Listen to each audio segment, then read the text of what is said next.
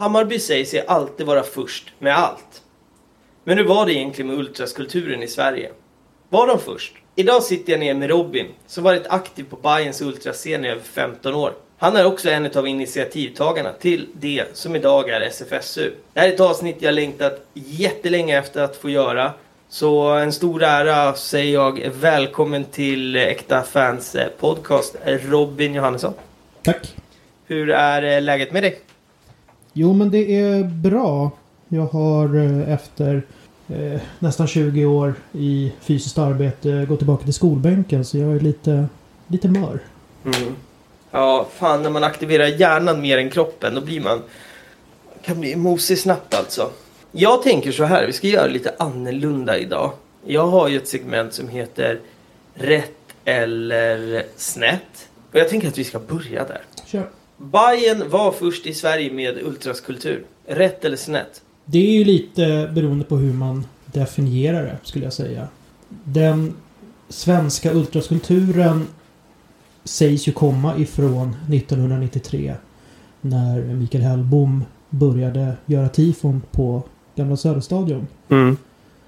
Och eh, ifrån de tifona så har ju ultraskulpturen växt fram till vad den är idag. Mm. Men så, ja, det, det som sägs då eh, är ju att då är Bayern först här. Eller? Alltså om, om du får bara välja rätt eller snett. Jag fattar att det finns mycket. Det finns säkerligen väldigt massa gråzoner. Men om du får välja rätt eller snett. Jag frågar efter min definition så säger jag rätt. Mm. Mm. Eh, och, och det är... Jag, jag, jag hoppades att jag skulle säga rätt och det är väl min åsikt också eh, så att säga. Och, eh, just Hellbom, vi kommer komma in lite på, på, på honom i, i den här eh, Ja men i den här resan, det ska väl egentligen vara så, så, så här. Vi, vi, kommer ju att prata om, om din supporterresa. Vi kommer också prata om ultrascenen ja, men inom Hammarby och som jag sa i intro så de två eh, liksom, tidslinjerna är ju ihopflätade för du har ju varit eh, väldigt många år involverad så att säga. Eh, men om vi bara liksom ska ta men backstoryn på, på vem, vem fan eh, du är i grunden. Ehm, om jag säger så, vad är ditt första minne av Bayern? Mitt första minne är... Jag har alltid haft lite svårt att definiera vilken min första match var. Mm. Uh, jag är 99% säker på att det är Halmstad hemma 1998. Mm. Uh, inte för att jag minns någonting från själva matchen. Utan eh, det är ju läktarna som jag, som jag minns. Mm. Främst halvtidstifot där, där det var bengaler längst med hela norra läktaren. Min farsa hade fått eh, sponsorbiljetter ifrån sitt jobb. Eh, så vi satt på södra läktaren mitt emot klacken. Och det var, det, det var liksom frälsning på en gång. Mm. Hur gammal är du? Jag är ju född 86. Mm. Så. så 98 är du snabbmatte 12? Ja. ja. Eh, lätt ålder och blir mer svept av eh, alltså, läktarsång och sådär också. Du blir lätt influerad. Ja.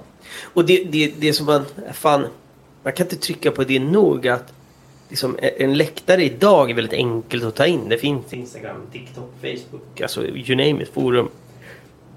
På den här tiden, alltså Sportnytt 2030. Snabbt. Ja, och då var det ett inslag om vadå? Bayern, en, Bayern Halmstad fick 30 sekunder kanske. Då skulle de ta ner hela matchen, alla målen. Det var ju knappt att man såg liksom. Eh, alltså inte som, man konsumerade inte som en 12-åring riktigt i, i media på det sättet som de gör idag. Det fanns ju tidningar och, och sånt här men det var ju verkligen inte lika lätt att konsumera det då. Så jag tror att eh, när du gick 98 som 12-åring så var det mycket mer wow-upplevelse än om du går första gången idag. Då har du sett det 200 gånger på YouTube. Liksom. Såklart.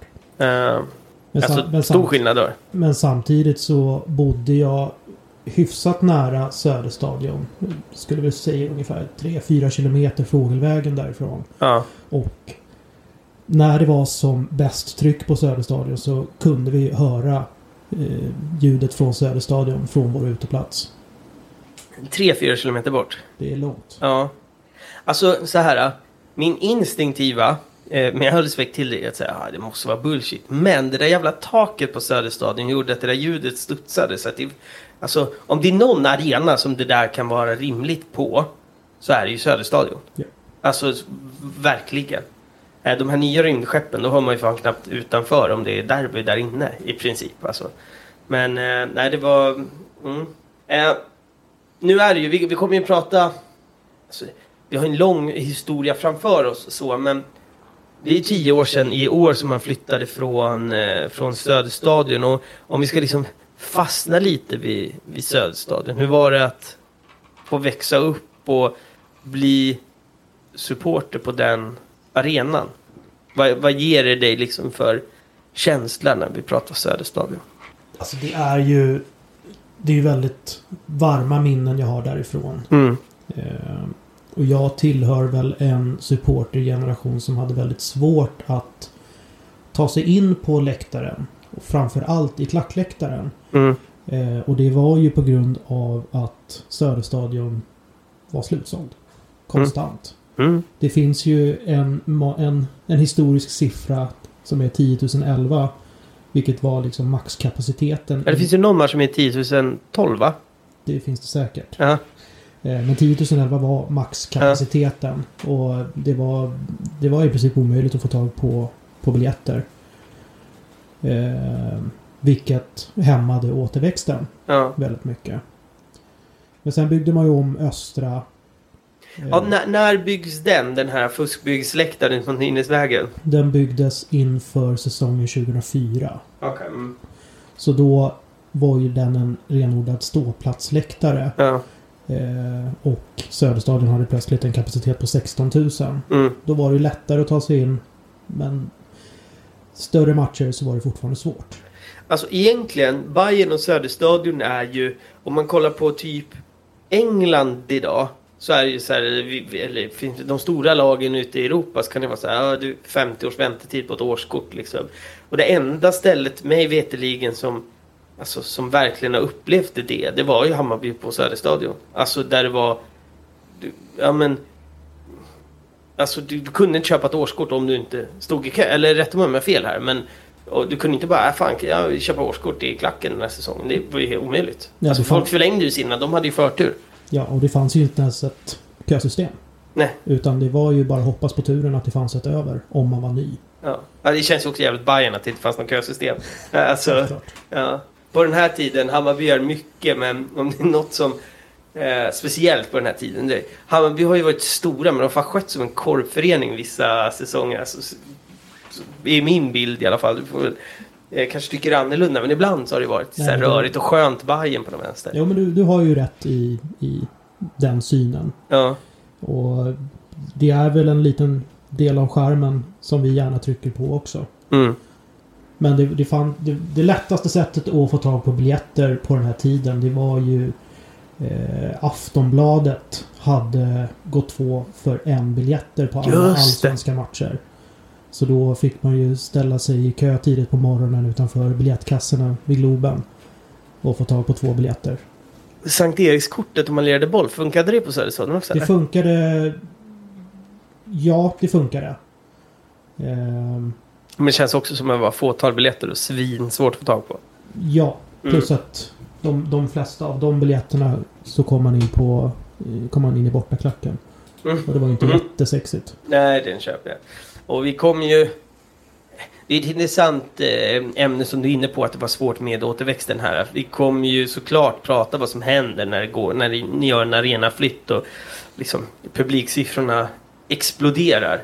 Och jag tänker att senare i avsnittet ska vi prata om, är det liksom är det tågtrafiken eh, från Dalarna som blev bättre eller var det faktiskt så att det fanns 20-25 tusen som hade velat gå på Bayern men det fanns inga biljetter. Eh, alltså det, det finns ju skämtsamt så vi, hoppas jag på det första men eh, alltså jag vet ju också på den här tiden fast jag var väldigt ung att fan, det var ju omöjligt om man bara ville gå på liksom, gå på fotboll. Det gick ju inte liksom.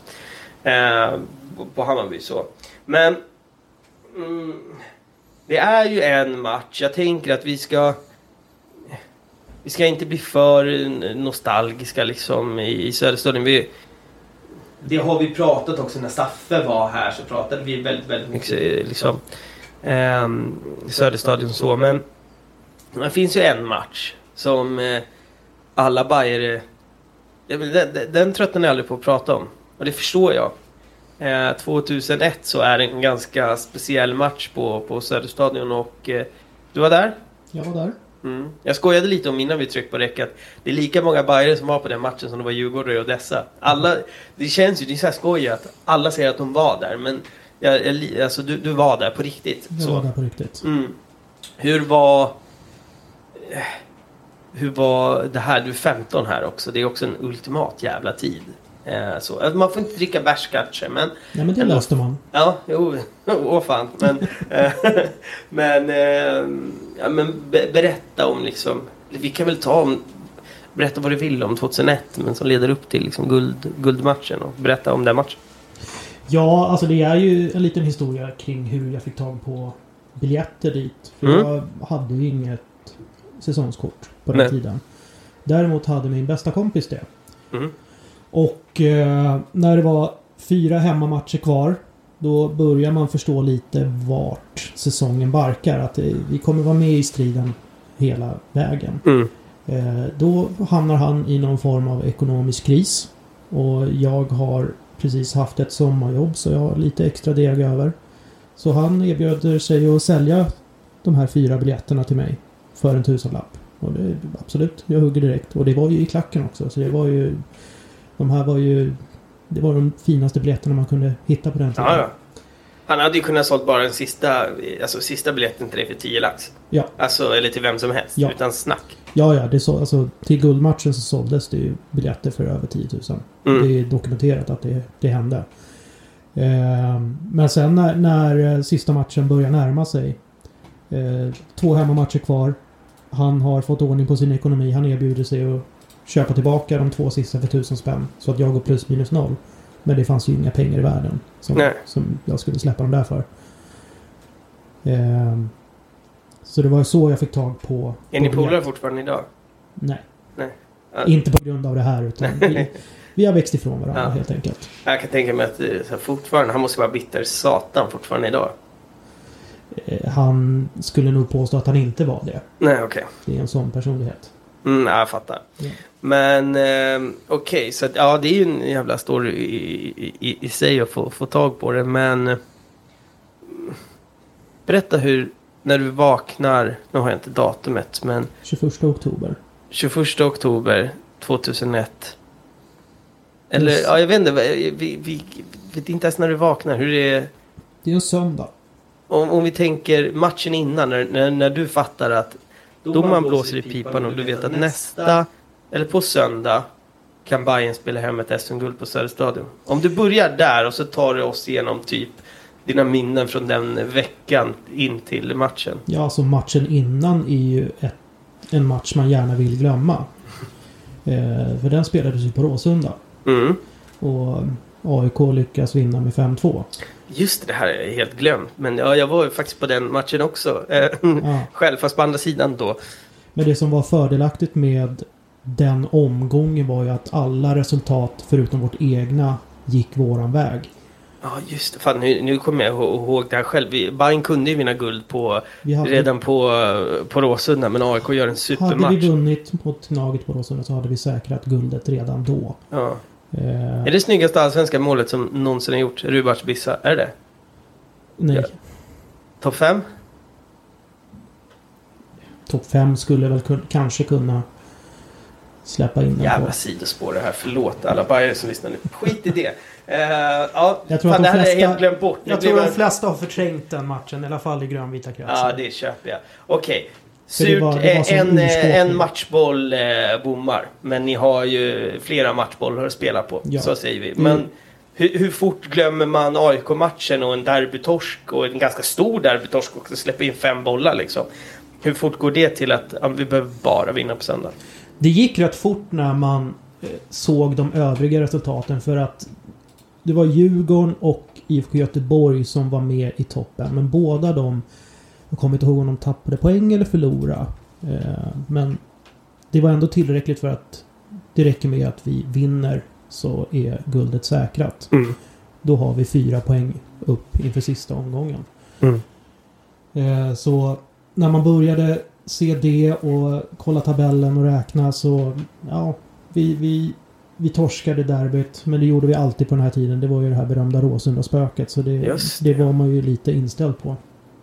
Men det är också så att jag, min känsla av många bajer är att, och det är lite så här, bajenamnen är ju den här eviga skepsis liksom, att man är skeptisk. Så jag kan tänka mig att även nu, att man vet, alla säger vi behöver bara vinna på söndag. Så man räknar i tabellen ändå liksom 11 gånger och så här. Men om vi skulle torska, man försöker hitta liksom hur kan vi tappa det här? Det är lite den känslan som jag har liksom. Och, och bilden jag får från många bajer att man har den här eviga skepsisen eftersom man liksom Ja men historiskt haft jävligt oflax eller ni har ju någon så här nära att vinna guld 89 eller något sånt där också.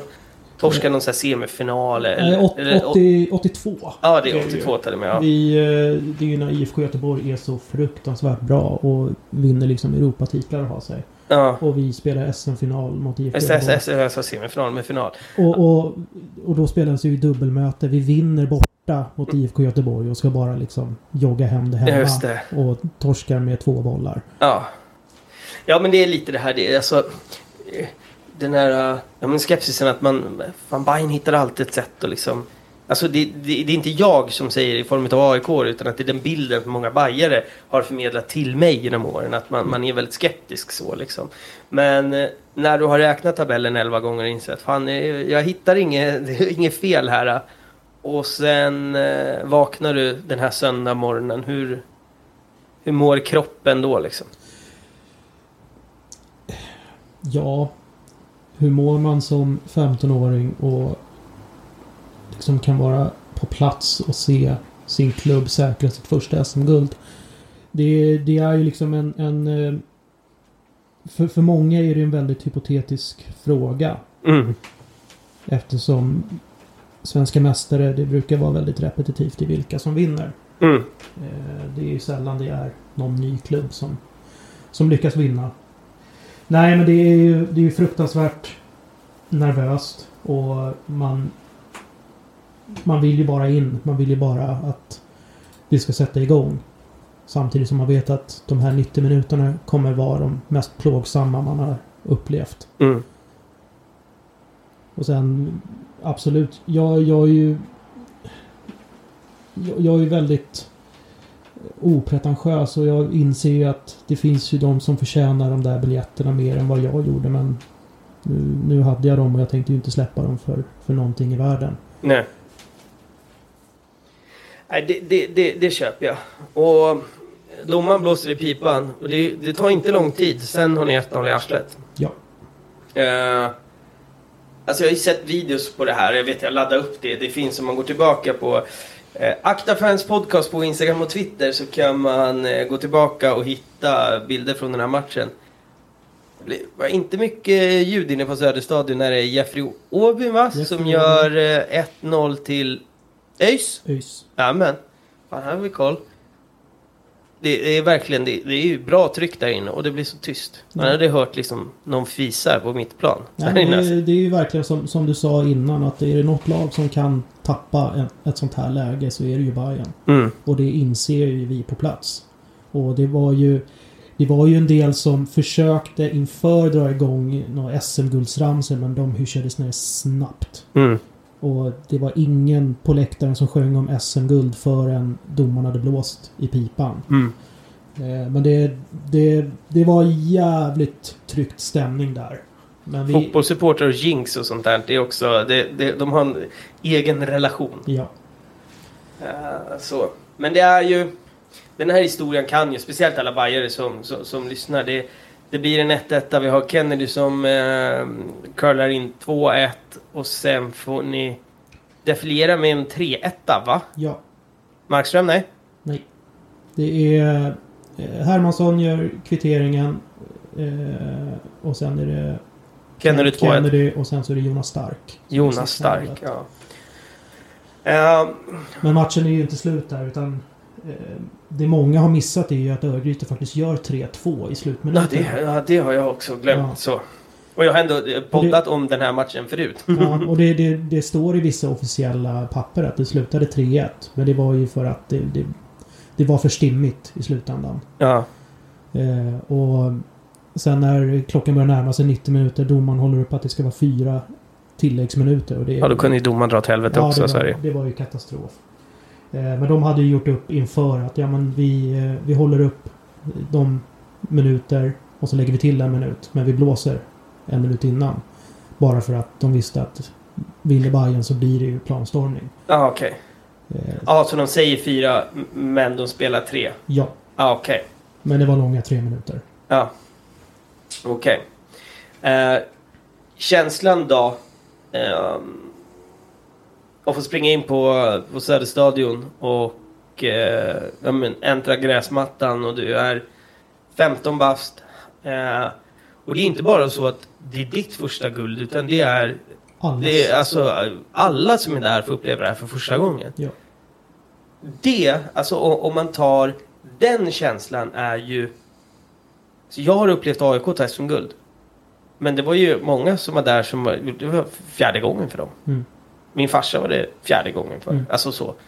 Ja, coolt. Nu vann, gjorde jag det här igen. Mm. Alltså så. Men alla som är där, har- ingen har upplevt det här. Det måste, ju- alltså, folk måste ju bara... Ingen vet ju hur fan man ska alltså, agera här. Mm. Vad gör man? Skriker man? Eller vad, hur, hur gör man nu? Typ så. Det måste ju bara vara en planlöst jävla härj nästan. Ja, och det ser man ju på, på bilderna också att folk springer ju åt alla möjliga håll. Och en del är ju tillräckligt klara i huvudet för att kunna jaga tag på någon av spelarna och rycka av han matchtröjan, Mm. strumporna och shortsen på en del. Medan eh, ja, Suleiman Sleiman han fick ju behålla sina shorts. Men det var ju för att han spelade ute kalsonger.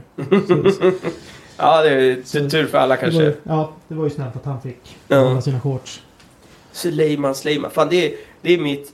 När, när jag var liksom yngre och började förstå supporterkultur så kommer jag ihåg att det är typ mitt första så här äh, starka minne av Hammarby supporterkultursmässigt. För jag tyckte det var så jävla roligt. Och idag så har jag inga problem att erkänna när någon annan gör någonting bra. När man var liksom ung tonåring så var det svårare. Det var ju alla sämst bara för att det inte var svartgult så. Men jag kommer ihåg om det är KGB-gubbarna eller vilka det är som som står alla tar av sig typ högerskon och står och skriker upp med sulan på topp och håller upp sina skor. Det kommer jag ihåg var min första så här. Fan vad roligt det där var. Alltså jag blev lite så här. Man kunde våga inte riktigt säga det men det var fan fett kul liksom. Eh, den kommer jag ihåg. Otrolig. Finns nog rörligt på också tror jag. Det Någonstans. finns Ja, är otroligt eh, sidospår. Men. Ja, ehm, ja, t- 2001. Mäktigt jävla eh, SM-guld eh, för er och eh, ja det är ju till, till denna dag i det ända också så. Nu har du fått bygga på med eh, en kupptitel också. En cuptitel. Chokladkuppen också får inte glömma. Ja. Och von Yxkulls pokal. Ja. Vår lilla internturnering vi hade under Corona. Mm. Just det, var Zlatan i det, var det inte det? Jajamän. Jajamän. Nej men... ehm, Ja, mäktigt. Och jag tänkte att det är egentligen inte det vi ska liksom, så här, huvudsyftet idag. Men jag känner att det är fan känns det fel när jag har det sittande så här och du var på den här matchen och inte ta upp den. Så. Eh, men det som vi ska prata mer om här, som sagt, vi ska prata din supporterresa, men den vävs ju ihop med liksom ultrascenen inom Hammarby. Eh, jag, eh, jag, jag, jag körde min rätt eller snett. Var Bayern först med ultraskulptur? Du nämner Hellbom och eh, 93. Och vi, vi sa väl det lite, vi skojade lite innan men det, det, det är fan inte så mycket skoj heller. Utan vi kan kalla honom svenska ultrascenens urfader. Det var det eh, liksom, uttrycket som vi faktiskt kom fram till. Och det, eh, jag ställer mig bakom, jag tror att alla, alla aktiva liksom, supportrar som i alla fall har koll på den tidsepoken eh, skriver nog alla under på samma, samma sak. Liksom. Nu ska vi inte prata jättemycket om honom i och med att han inte är här och du är inte han så att säga. Men vad har du, vem är det om vi ska liksom försöka profilera honom på den vänster? Ja, Hellbom eh, är ju en Hammarbyare som... eh, Så prata lite närmare micken. Hellbom är ju en Hammarbyare som rest väldigt mycket till Italien och sett hur läktarkulturen vuxit fram där. Mm. Eh, och då fick den briljanta idén att det här vill jag testa på mitt eget lag. Mm.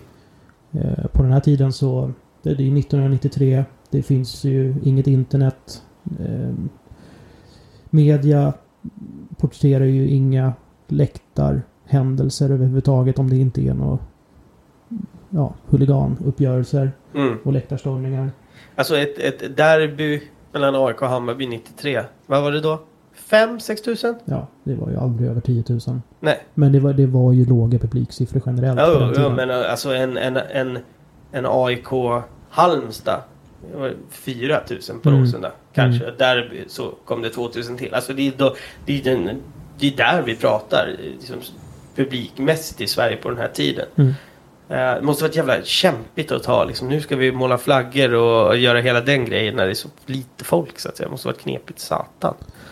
Både och skulle jag nog tro. Det, då finns det ju inte så mycket motkrafter heller. Nej, det är för sig väldigt sant. Men eh, ja, det var, det var lite, lite så själva ultraskulturen började inom Hammarby. Även fast det inte fanns några uttalade ultrasgrupperingar. Eh, så, så var det liksom regelbundna tifon och pyrotekniken hittade sin plats rätt tidigt där också. mm. Det brändes ju bengaler på, i början på 90-talet. Eh, och har sedan dess blivit ett mycket mer naturligt inslag. Mm, mm. Men vad blir... Eh, alltså, eh, från det här eh, att han känner nu ska vi testa det här i Bayern. Vad händer? Vad blir det annorlunda på Bayerns läktare om vi tar då från 93? Vi har tre grupperingar som startar eh, här. Eh, eller rätt, rätt om jag fel, men i och med det här så startar Hammarby Ultras 93. Hammarby Ultras härstammar ju ifrån 1993. Just eh, namnet Hammarby Ultras kommer väl kanske inte från det året. Men det kommer ju liksom ifrån den tifokultur som implementerades då. Mm, mm. Men så, så det som man kan säga så här. Det som blir annorlunda är att det börjar dyka upp vad är det, banderoller eller eh, tifon i sin liksom, Ja, tidiga stadium. Och, och pyrotekniken, det är det som blir nytt liksom in på, på läktarna. ja. Och sen de som minns slutet av eh, 90-talet minns ju de fullsatta läktarna på, på, på Råsunda, på derbyna. Mm, Och det var ju otroliga eh, koreografier på, med, det, med liksom den tidens mått mätt. mm, Eh, och det var ju liksom banderoller och det var ballonger och konfetti och mosaik. Inga komplicerade, det var, det var väl randiga mönster men det var ju Mm. ändå någonting helt nytt. Ja, det går inte att jämföra med. Alltså, nu gissar jag på att det sitter folk som eh, kanske är yngre tonår. Det går inte att jämföra med liksom, tifona idag den kvaliteten. Där har ju det har gått fort satan till den kvaliteten vi är idag. Men det som var så här, sjukt mäktigt. Alltså det finns vissa tifon från alla tre Stockholmsklubbar som jag har närmast till som, som håller sjukt, så, alltså, som skulle hålla sjukt hög kvalitet även idag. Eh, men så finns det många, som ett standard derbytifo typ 2002. Alltså det skulle bli utskrattat typ idag. Ja men det, Alltså- det skulle vi kanske flyga en serielunksmatch. Ja. Man ja. gör någonting bara för sakens skull. Ja. Så. Men det som... Det som händer här då. Hammarby Ultra, som, om vi nu använder det, det, namnet är inte aktiverat redan eh, ni- 93. Men den liksom grupperingen grundas där. Sen har vi 98. Så kommer Söderbröder. Ja, eller förlagen till Söderbröder i alla fall. Ja. Då grundas ju en förening, eller en, en gruppering som kallas för Söders Demoner. Okej. Ehm, och eh, de återinförde lite det här med trumma på läktaren. Ehm, för vi har ju de här gamla klassiska Hägersten Hot Heaven som eh, körde sin grej på 80-talet men det var ju, det var ju mer en orkester Mm. som, som körde sin grej. Eh, men nu, eh, nu kom ju Söderbröder eh, och införde trummor på, på våra läktare Mm. som liksom en ett takthjälpmedel. Mm. Och 99 99 kommer ju då Ultra Boys. Ultra Boys. Ja. Som, som då är en ihopslagning av Ja, jag kommer inte ihåg namnet riktigt. Men Järfälla Ultras var den ena och sen var Ja men det var väl fyra, fem grabbar som ja, gjorde gemensam sak. Ja. Eh, där det, var, det var några från Södermalm, några från Järfälla. Som gjorde gemensam sak och gjorde sin egna banderoll. Men min naturliga följdfråga här är ju... ehm, alltså, ultraskulpturen är ganska färsk här. Den har liksom... eh, Hellbom har introducerat den 93. Visst, det kan hända ganska mycket på 5-6 år, absolut.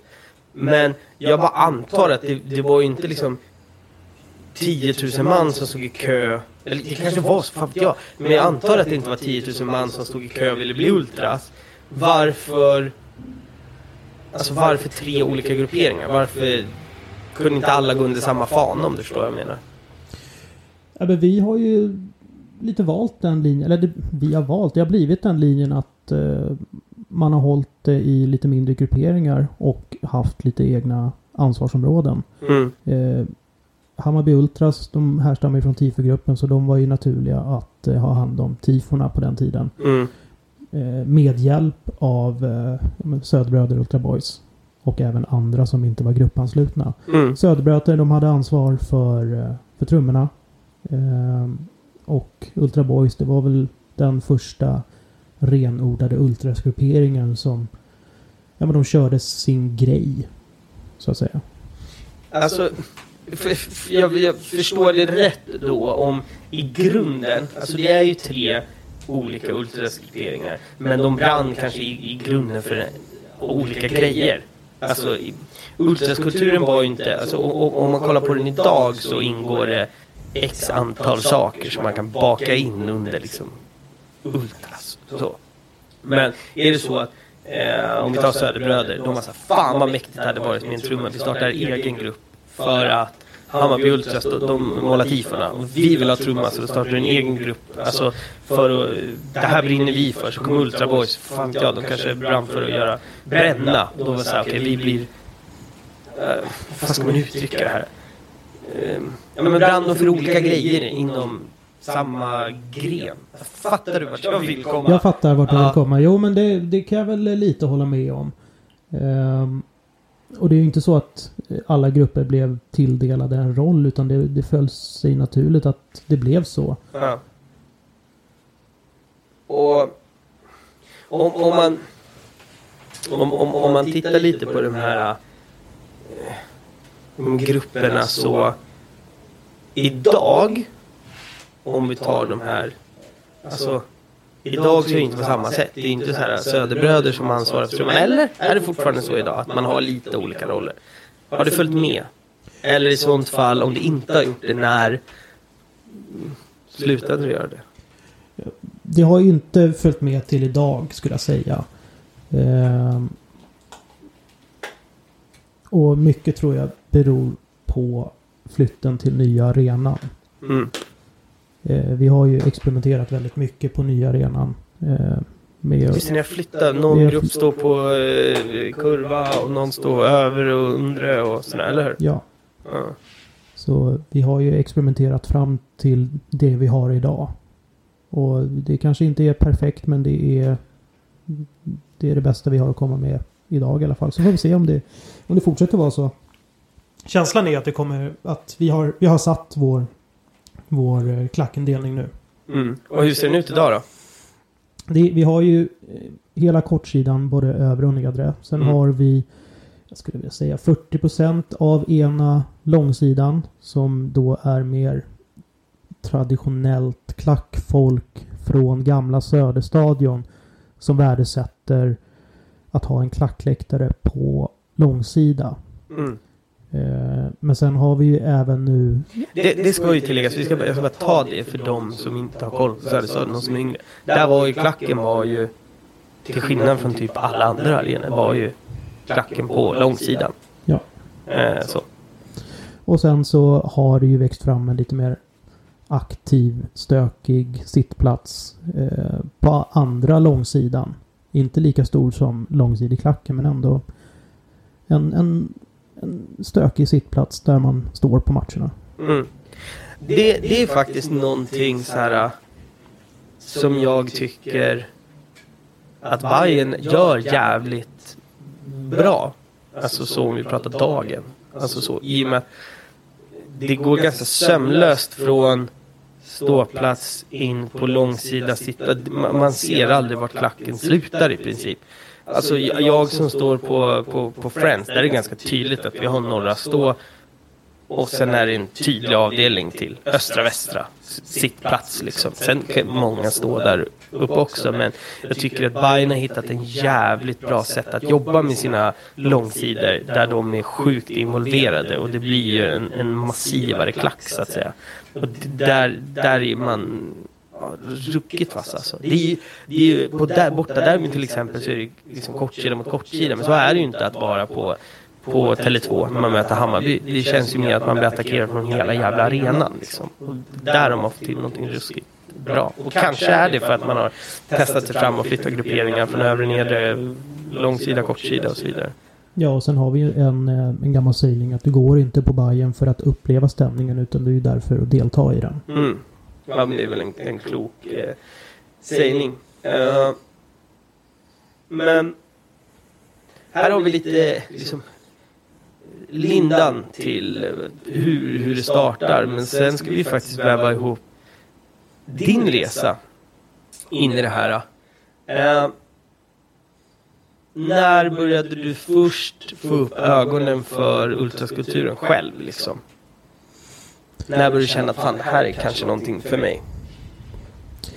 Alltså, på den här tiden så var ju ultraskulpturen inte särskilt utbredd. Nu pratar vi tidigt 2001, 2002. Mm. Eh, och den var ju inte starkt etablerad. Eh, men jag, jag kände tidigt att jag vill jag vill göra mer än att bara gå på matcherna. Jag, jag, vill, jag har liksom en, en, form av överskottsenergi som jag, jag vill få utlopp för den. Mm. Jag, vet inte, jag vet inte hur. Jag gick ju på matcherna med han som jag köpte guldbiljetten av. Eh, men han, han var mer att nej, gå på matchen och sen så hem och lägga sig. Mm. Jag vill ha mer. Jag vill göra mer. Och då hittade jag en hemsida. Och det här var ju väldigt tidigt med hemsidor. Men jag hittade en hemsida där där de beskrev liksom ja men vill du vara med och måla flaggor? Vill du vi, vi står för det här och vi står för en aktiv läktarkultur. Och det var liksom, ja men det beskrev mig så jävla bra. Mm. Så jag tänkte skitsamma, jag tar väl kontakt med dem. Det fanns något telefonnummer där. Som jag smsade till och fick, fick svar. Ehm, och... Ehm, Sjukt det är för övrigt när man tänker tillbaka på det. Att mm. På den här tiden så var det inte ett Instagramkonto man skrev. Det var någon, någon som fick ha liksom så här typ Hammarby Ultras telefon. Och så var det ju, alltså all kommunikation gick ju via den. Mm. Alltså sjukt. Jag vet att eh, ja, men folk hade så bokat bortaresor. Det var någons hemtelefon liksom, som, man, som man ringde på. Det är ju en annan tid. Men mäktigt på, på de vänster när det var så analogt. Mm. Och då jag tog kontakt med, med den här grupperingen då så det var, i, det var efter fotbollssäsongen. Eh, och det, det, skulle vara någon bandymatch Eh, ett par dagar senare. Så jag frågade, men är, är det någon av er som ska dit? Kan vi träffas? Ja, men vi får se. Kolla efter våra flaggor så, så kom fram och säg hej. Mm. Absolut. Så jag gick ju på matchen där. Jag såg ingenting av bandy. Jag letade efter de där flaggorna. Jag såg, de, de gick inte på den. Eh, men så fortsatte jag hålla kontakten och då kom det ju fram eh, Ja men vi, vi ska ha en liten flaggmålning så kan du Kan du komma till den här adressen Eh, på lördag så, så får du vara med och måla lite flaggor. Mm. Absolut. Jag, jag var där ja, men en halvtimme innan utsatt tid och hängde på låset i princip. Mm. Eh, och ja, men på den vägen var det. Då var jag liksom då var jag inne. Mm. Och, och, och, det vi ska säga här, eh, nu när vi ska gå in och prata om din resa, så eh, vilken gruppering du har tillhört, eller du är fortfarande medlem, kanske alltså inte lika aktiv, vi kommer komma in på allt det här, men det kommer vi hålla osagt i det här eh, avsnittet och det är eh, egentligen för att eh, du är inte aktiv på, på, på det sättet idag och du vill ju prata om din resa. Du, kan, du sitter inte här och pratar för grupperingen så att säga. De vet att du, du, du är här och så, så det är inga konstigheter så, men du vill inte prata för grupperingen, du vill prata för dig. Exakt. Så, eh, så, så därför kommer vi hålla det, det osagt. Så att jag antog att när vi satt och skrev manuset tillsammans så är det liksom den frågan jag hade ställt mig. Men så nu vet ni varför vi inte kommer nämna det här i, i avsnitt i alla fall. Eh, så, men okej. Okay. Eh, du, eh, du är med på den här flaggmålningen. Vad, vad, vad, vad hände sen? Ja, sen... Eh, sen blir det ju liksom fler flaggmålningar. Vi går på lite hockey. Det var ju, det var ju mycket hockeyderby mot Gnaget. Fan vad stökiga De var, det, var, det var livat. Det var, de, de var det drag på. eh, på både gott och ont. Eh, Oh, så det, shit. ja men innan fotbollssäsongen började så var det, ju- det var mycket hockey. Det var några bandymatcher. Det var någon handbollsmatch också. Vi har Det här är, ska vi säga, det här mellan 02 och 03 va? ja, Mm. ja, vi är ju inne på början av 03 nu. Ja. Eh, men sen börjar ju säsongen 2003 och jag står med, med, ja, med, med grabbarna där då. Eh, är väl inte riktigt fullvärdig medlem då utan det är väl lite, lite av en, en prospekttid. Mm. Man, man vill ju kanske inte ta in vem som helst liksom. Nej, alltså vad... Vad var kriterierna för att få vara med då?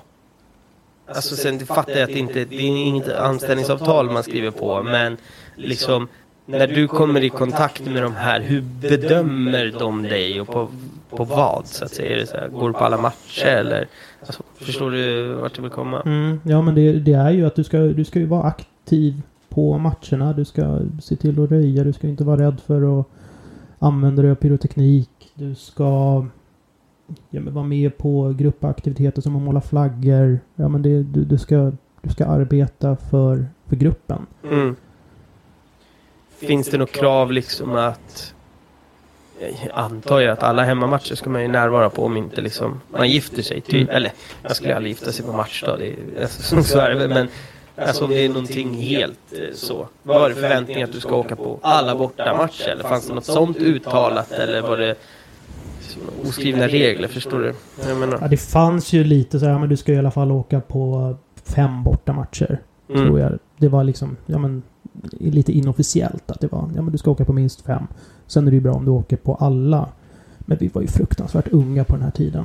Och Ja, man blir inte utkastad om man inte står i Malmö liksom ni- 19.00 en måndag. Nej. Men samtidigt så var det ju fördelaktigt för att det var ju, det var inte många som hade jobb och sådana såna saker som man var tvungen att vara på. Så det var ju många, många gymnasiedagar som man inte riktigt var på plats. Ja. Återkommande eh, tema om folk som skolkar i gymnasiet och går på fotboll. U- Uppskattar eller uppmuntrar eh, jag också. Fan. Alltså, nästan. Nästan. Nästan. Ja, okej, men... ehm, om vi säger så här då, en, en, en matchdag för dig då. Vad, vad blev eh, skillnaden? För du hade ju gått med din polare. Hur var det först och främst att vara en polare som du har gått med i ganska många år och säga att sorry, vi kan inte gå på matcherna tillsammans nu för jag ska gå med, med de här. Eller hängde han på? Eller liksom, vad, vad blev skillnaden i en matchdag för dig från att vara vanlig supporter till att faktiskt ehm, ja, men vara prospect eller medlem i en ultrasgruppering? Liksom? Skillnaden var väl att jag, jag var, var en del av ett mycket större sammanhang. Det var, jag hade inga problem med att halvt bryta med han som jag vanligtvis gick med. Han gick inte så ofta som mig ändå, så det var ju ingen... Det var ju inget uppbrott på det sättet. Mm. Eh, men nu hade jag ju ett sammanhang med folk som gick på alla matcher. Mm. Och då hade jag folk som jag stod med och jag hamnade liksom mitt i händelsernas centrum precis där jag ville vara. Mm. Så det, det, blev, det blev så som jag hade föreställt mig lite grann. Mm. Även om det kanske inte var i den skala man hade fantiserat om. Eh, för man introducerade snabbt till gamla VHSer och DVD-filmer från Paris och Italien. Mm. Och eh, Ultra Scontri 1999 med samlingsklipp från allt från, jag vet inte, Palermo till Roma till Napoli. Mm. Och fick se den delen av kulturen också. Eh, men där var det ju mycket mer storskaligt. Vi var ju liksom ett gäng grabbar. 10-15 stycken. Mm. Storsamling kanske vi nådde upp till 20. Mm. Men hur är det att... Jag tror må många som, som är supportrar, ser klackfolk som, som går på matcher idag. Och, och sen är man inte, tillhör inte en utav de här grupperingarna. När man ser folk med, med en tröja från en liksom, ja men den där tillhör ultrasgrupperingen så man får ju en helt annan respekt på, på en läktare där folk i, i vissa fall eh, ryggar lite grann. ehm, men man blir ju, jag vet inte fan man ska uttrycka man blir lite coolare än de andra. Alltså det, det, jag vet inte, jag hittar inte rätt uttryck En form av statussymbol. ja men exakt det är vad jag söker för uttryck. Hur var den känslan att fan att liksom slänga på dig en tröja där det stod en, en grupperingsnamn och valsa in på, på läktarna. Kände man sig liksom, växer man en decimeter då? Det gör man. Mm. Det gör man absolut. Och hur stor del i, Idé är att man vill gå med i en ultrasgruppering? Alltså, förstår du? Går man med för att dels, jag fattar att man, du älskar Bayern och vill göra ditt allt varje match, men i ärlighetens namn, så här, nu när du är lite äldre också, hur stor del är det att få den där extra decimetern på längden och på kuken typ när man får på sig en sån tröja?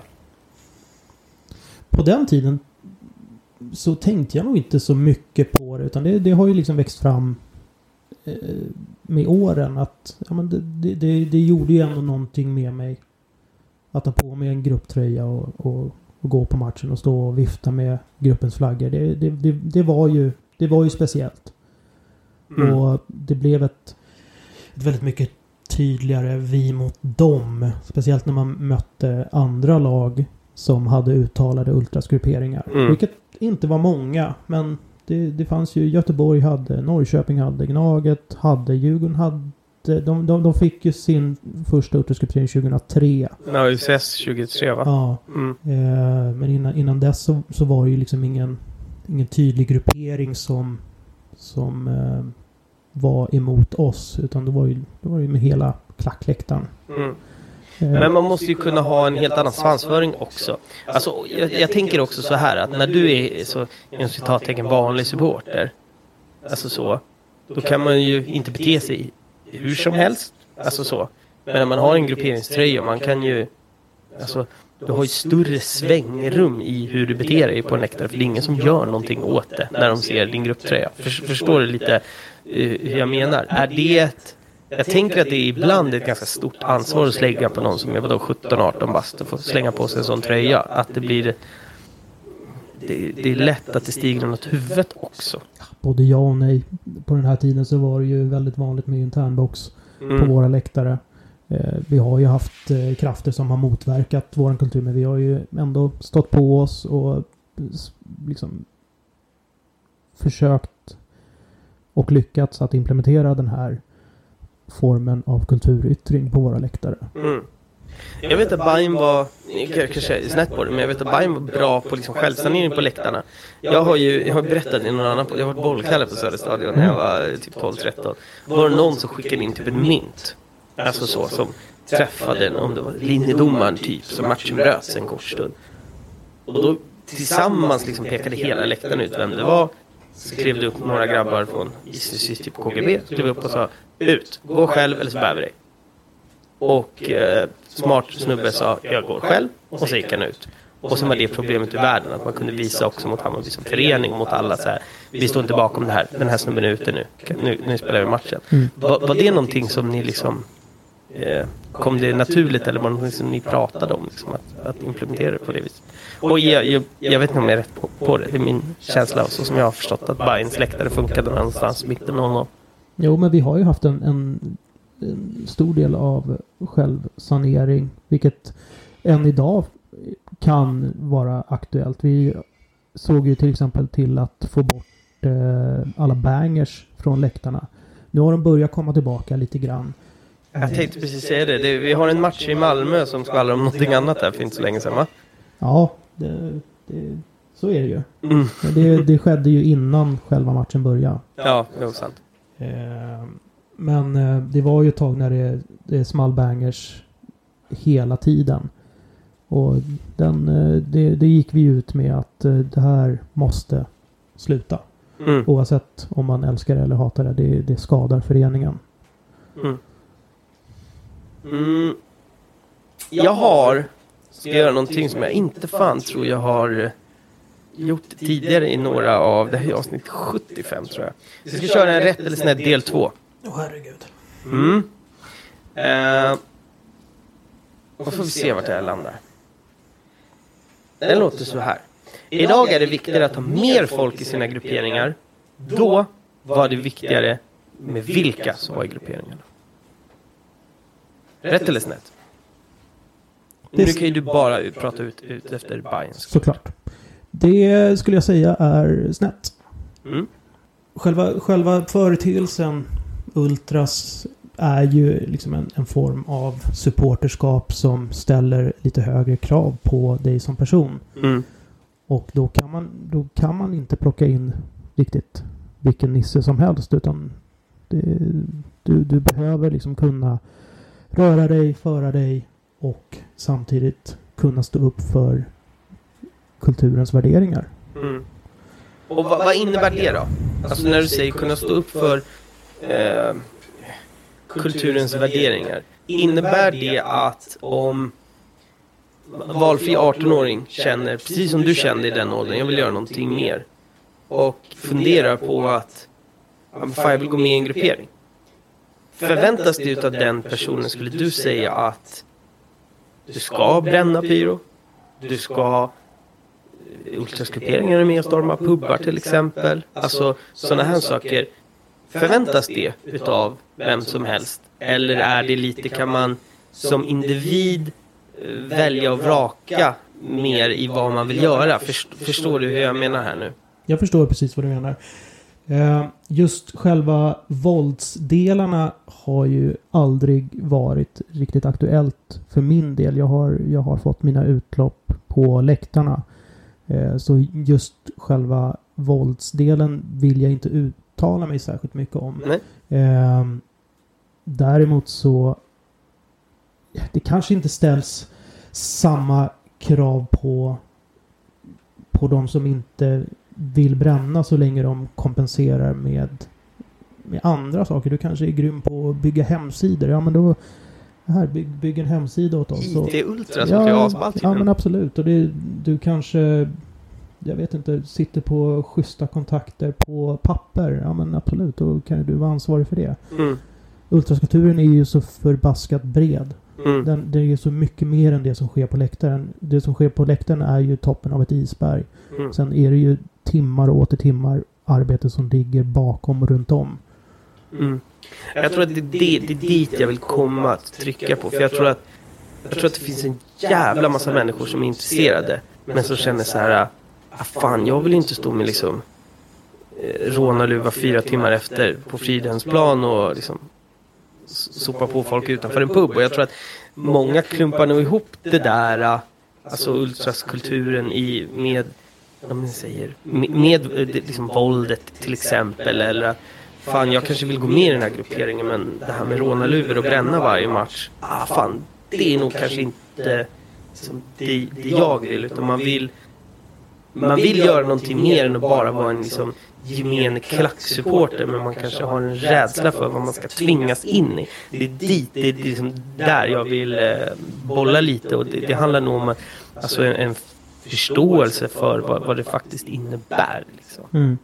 Ja, men alltså, jag, jag, jag tänker att ingen ska behöva vara rädd för att komma fram och prata med någon av gruppens medlemmar. Ja. Och skulle det visa sig att du är intresserad, ja men bara visa vad du har att ta med till bordet. Mm.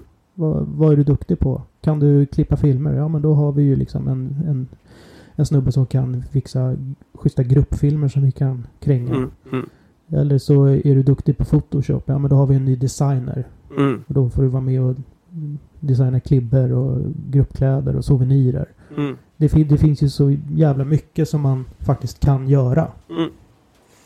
Nej, jag är också helt enig i det du, det du säger. Eh, fan, ehm, jävligt trevliga människor som står i ett souvenirbord och sådär. Eh, är man intresserad, gå dit och surra med dem oavsett vilken, vilken klubb det, det är. Det skulle jag absolut eh, säga. Eh, och du, du är ju fortsatt med i, i, i, i din gruppering idag. Du är inte lika aktiv. Vi kommer komma in lite på... Vi ska knyta ihop den eh, säcken lite senare. Men det här, under den här tiden, du är eh, liksom aktiv medlem och eh, det har diskuterats i väldigt, väldigt många poddavsnitt som vi har haft. Men jag tänker att vi ska gå in lite i det. Vi ska prata lite Global Tifo och Ultras-kanalen. Ehm, internet blir ju en... det, det har faktiskt inte funnits för, för alltid liksom. Och det här med, med forum växer, växer fram. Och det är någonting, när jag tittar tillbaka på min supporterresa så är det här någonting som jag helt missade. Jag har aldrig suttit i de här forumen. Jag hade ju liksom farsan och bollar med hela tiden. Så. Men vad, vad betydde de här forumen och vad fanns de till för? Och liksom grunden, ta, ta forumen 1.0 liksom. Forumen, alltså det är ju internetforum helt enkelt. De flesta eh, känner nog till eh, forumet Flashback. Eh, de här supporterforumen var uppbyggda på i princip samma sätt fast med då andra kanaler. Mm. Det började egentligen med AIK Tifos forum eh, där det även samlades folk från andra lag som ville diskutera supporterkultur. Mm. Och eh, det ledde ju till att ja, men det kanske kan vara bra att ha ett eh, färgfritt forum, ett neu- neutralt forum där vi samlas och diskuterar supporterkulturen i stort. Mm. Så då hade vi ju eh, ett för jävla fint fanzine eh, ifrån Norrköping som heter Global Tifo. Och då kände de sig manade att, ska, att vara den här kanalen som, eh, som samlade alla. Så de startade ett forum, Global Tifo.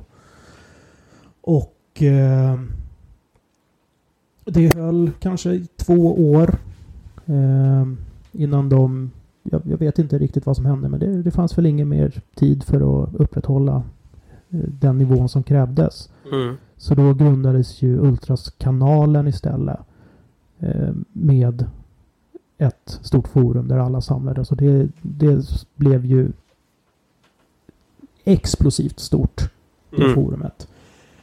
Och det, där samlades alla f- från hela Sverige som på något sätt identifierade sig med ultraskulturen. Mm.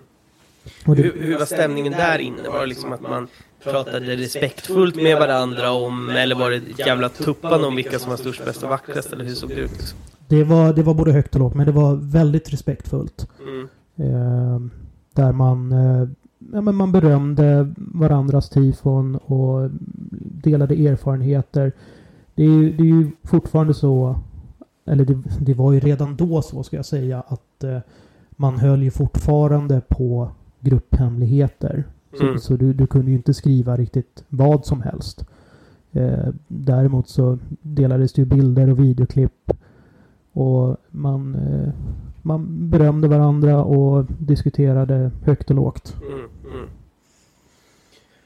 Och det här är ju, för många har det här varit en, en jävla viktig del. Som jag sa, jag är lite lack så här nu med, liksom, det var ju många år sedan, men lite lack att inte jag själv satt där inne. Men eh, det har varit jätteviktigt för många och här börjar det ju födas en idé. Eh, och ehm, du är en av initiativtagarna som, som, som bollar upp idén att fan vi behöver kanske träffas och, och, och driva frågor gemensamt för att det som händer här någonstans här mitten 00, nu börjar det booma. Det börjar bli ganska mycket folk på läktarna och motståndet från politiker, poliser och bla bla bla bla bla Det är ganska tufft här för man vill ju bränna och, och så vidare och nu börjar man inse att fan en gemensam kraft är kanske inte helt dumt.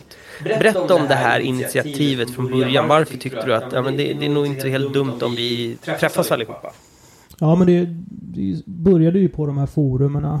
Och på de här forumerna så fanns det ju en allmän del som alla kunde läsa. Du behövde inte ens vara medlem. Utan Mm. du, du kunde gå in och läsa när som helst. Eh, samtidigt så fanns det ju hemliga forumsdelar som vissa enskilda användare fick tillgång till. Mm. Och i de här så diskuterades ju att men vi, måste, vi måste skapa en gemensam kraft mot eh, Svenska fotbollsförbundet var det främst då. Men även polisen, politiker som du sa. Ehm, men det var, det var ingen som riktigt eh, tog tag i det och gjorde slag i saken. Ehm, så då, då räckte jag helt enkelt upp handen och tog mig an det ansvaret. Och det, det kanske inte låter som världens eh, största projektarbete någon har tagit sig an. Men det, det jag gjorde helt enkelt det var ju att jag surfade runt på, på, på internet och letade reda på så många mejladresser till supportergrupper Mm. i Allsvenskan och Superettan jag bara kunde. Jag tror jag kom över 70 procent. Och på den här tiden så var det, det var inte jättevanligt att supportergrupperna hade en, en form av kontaktmail eller något sätt att kunna kontakta dem. Nej. Så jag fick gräva rätt djupt för att kunna hitta assyriska till exempel. Mm. Och hitta öster. Ja men det var, jag, jag, jag, jag letade Det var lätt att hitta liksom Änglarna och Black Army. Ja, det var, Men, det var ju inga problem. Eh, men för att det här ska få någon form av legitimitet så måste vi ha med alla. Mm. Och nu kunde jag inte hitta alla, det fanns inte. Och det, det fick ju vara som det var. Det tänkte jag, men det löser ju sig senare. Mm. Och eh, med de här mejladresserna så formulerade jag ett mejl med mitt ärende att vi, vi, eh, vi är ett gäng som, som vill skapa någon form av eh, nationell supporterunion. Ehm, och eh, ville bara kolla hur intresset för det ligger hos er. Mm. Och av de här 70 procenten av mejladresserna jag hittade kanske, så fick jag kanske svar från 40-50 procent. Och innan det, visst är det så att precis strax innan det här, något år innan, så har ju AIK och Djurgården Hammarby gått ihop med någon slags eget eh, race där man har för Fryshuset och något sånt där. Jag vet inte om du var med i den vevan? Jag kommer dit också. Ja, okej, ja, du kommer dit. Ja, men då så. Jag, då är jag fel i tidslinjen. Ja, men då så, fortsätt. Mm. Eh, nej men så får jag, får jag svar från eh, ett gäng där och eh, i det här mejlet så tror jag att jag formulerar att ja, men vi, vi sitter på Ultraskanalen och diskuterar så kom, kom dit. Eh, och eh, det var många som hittade dit och eh, vi kom fram till att ja, men vi, vi, vi kör. Mm. Och på den här tiden så har ju Hammarby, AIK Djurgården några representanter som tillsammans har startat Stockholmsalliansen. Just det. Eh, som var ett ideellt samarbete tillsammans med Fryshuset. Och eh, de här hade ju lyckats få tag på en massa kommunala pengar. Som de inte Mhm. riktigt visste vad de skulle göra med. Mm. Och jag känner ju en av dem som, eller han från Hammarby som var, eh, som var med i det där. Ulrik Jansson. Och jag presenterar mitt ärende att jag, jag tänker att eh, jag vill vara med och skapa någon form av supporterunion. Mm. jag behöver pengar. Och liksom administrativ hjälp. För jag var vadå 24 bast. Eh, Inte jättestor koll på omvärlden egentligen. Och hur Nej. saker och ting fungerar. Eh, Men det, han ställde upp och lovade eh, ekonom, ekonomi och hotellrum och ja, men det var, det var liksom mer än vad jag någonsin hade kunnat önska mig. Mm. Jag frågade liksom kan, kan du liksom sponsra några hundralappar till mötesdeltagarna så att de har råd att ta tåget eller någonting. Mm. Ja, men, det, nej, men det blev ju mycket, mycket mer än så. Mm. Eh, så vi Ja, satt... jag ska bara säga det innan du går vidare. Jag kommer ihåg, jag var på Fry- Fryshuset när den här, de hade ju någon slags utställning med alla till AIK, Djurgården, Hammarby. Eh, och det var några fler aktörer. Det var så här riktigt spänd stämning där inne. Eh, så märkligt att samla. Vet min farsa stod där någon dag liksom som Black Army-representant och så här. Jättemärklig stämning. Det som också, vi ska säga det nu när jag kommer på det. Det är fan det sjukaste att det här, alltså att vi fick det här att flyga på samma tid. Julmarknaden på äh, Sergels torg, kommer du ihåg dem? Ja. Eh, för er som...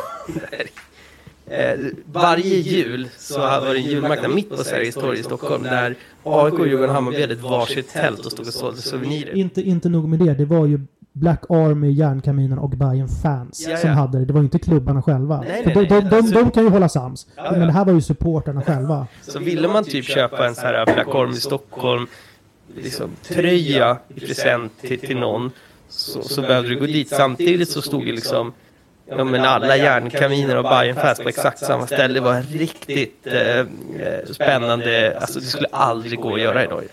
Uh, alltså nej, jag, jag tror verkligen inte det. Men så var det varje jul. Och sen var det ju eh, det var väl så små incidenter när det var lite för många från varje lag där samtidigt. Och så här. Men sjuk grej bara att när man tänker efter på det, att det gjordes varje jul. Jag vet att eh, Staffe från Bayern fans hade en, så här, en, en bössa. Eh, för farsan förlorade dagen innan julafton så fick folk lägga pengar till hans bakiskassa eller något sådär. Det var kul, de hetsade i varandra ganska mycket och höll på jiddra. Men eh, ja, sidospår. Eh, förlåt, kör. Ja, vart var vi någonstans? Ja men eh, vi var... Eh, ja, vart var vi någonstans? Jo, Jo, vi ska sätta- eh, vi ska- pengarna. Ja, Fryshuset. vi ska sätta ett datum. Mm. Eh, så vi eh, kommer överens om ett datum där vi ska samlas allihopa. Mm. Och eh, det, det, blir, det blir en hel helg.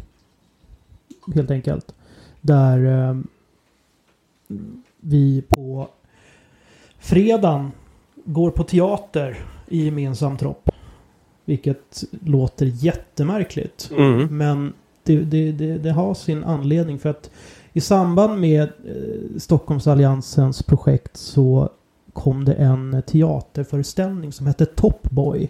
Just det ja. Eh, som var en monolog med två stycken dansare.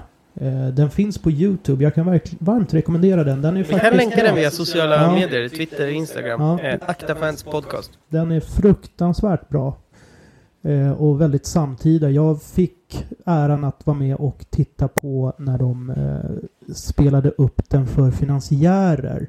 Mhm. Och då fick jag även vara med och komma med input vad som vad som faktiskt känns genuint och vad som inte sker på svenska läktare. Jag minns en grej som de gjorde i sin föreställning att de de hade, de hade ju kollat på Green Street Hooligans. Mm. Och, och där är det någon scen när de ska gå in på, på läktaren. De drar upp eh, kragarna och fäller ner kepsen för att gömma sig för eh, CCTV. Mm. Så, att det, så funkar det inte i, i Sverige riktigt. Nej. Utan det, det, det får du ju klippa bort. Det blir alldeles för tydligt att ni har kollat, Ja, kollat på ja. Green Street Hooligans. Så det, det, det tog de ju bort. Och sen så förklarade jag att ja, det här är ju bra också. Men sen är det ju det är en väldigt fin eh, samhällsromantik skulle man kunna säga. Eh, som har sitt utlopp i huliganismen. Men det är ett sidospår. Jag kan, Mm. jag kan rekommendera den. Bara gå in på, ju- på Ja men vi, vi länkar den på sociala medier. Snyggt. Men så teater fredag, fredag kväll. Ja. Och efter det så eh, gemensam eh, middag och eh, sen eh, ja, hade, hade vi ju bokat, eh, jag skulle nog vilja säga hela Scandic i Kung, Kungens Kurva. Det mest osexiga Scandic som finns skulle jag säga. Det finns ju, det finns ju ingenting roligt i närheten. Du har Ikea rakt över gatan och that's it. Mm. Eh, Det är väl typ där Heron City ligger i. Jajamän. Ja. Mm. Så det, det, det är inget kvarter man gärna hänger i kvällstid. Ehm, Det fanns inte så mycket annat att göra än att dricka bärs och prata med varandra. nej, precis. Eh, lördagen sen, då, då var det ju lite, lite workshops och lite planering inför eh, vad som komma skall på söndagen. Eh, och då har vi ju den legendariska kvällen i hotellbaren. Vi, vi hängde på hotellet hela dagen. Och... Alltså det, det, det är nog en av mina favoritkvällar någonsin. För det, det blev så tydligt att även fast vi håller på olika lag så är vi fan jävligt lika varandra ändå. Mm, mm, mm. Och det, det, det, blev, det blev en liten aha-upplevelse. Och man ville liksom inte att kvällen skulle ta slut. Nej. Men så var den ju på väg att göra det för att bartendern var, blev lite grinig till slut. Det var inte så att vi var stökiga utan vi, vi var... Ja, men- var fotbollssupportrar vi var fotbollssupportrar som var fulla och det, det kan bli lite högljutt men det var ju aldrig någon hetsig stämning. Förutom några Kalmar-supportrar som inte riktigt hade fått den informationen att vi kör inga färger så de kom ju med en flagga med Kalmar stadssilhuett. Eh, som inte är jättesexig. Eh, nej men bartendern eh, fick för sig att nej men nu, nu stänger vi igen det här. Och eh, det visar sig att han tycker att han har fått alldeles för lite i dricks. Mhm. Ja men eh, vi löser det. Ge mig ett glas. Ta, ta ett glas och går varvet runt. Och ber om, liksom, eller förklarar ärendet att han kommer stänga. Jag vill inte att han stänger. Anklagar på att han får för lite dricks. Kan ni donera lite? Ja, alla gav det de kunde. Och han fick 2 500-3 tusen i det där jävla glaset. Och då kunde han hålla öppet Ja, det en och en halv timme till. det Jajamän, det problem, var, det inga problem. Ja, jag köper den. Jag vet, jag kommer fan inte ihåg vem det är.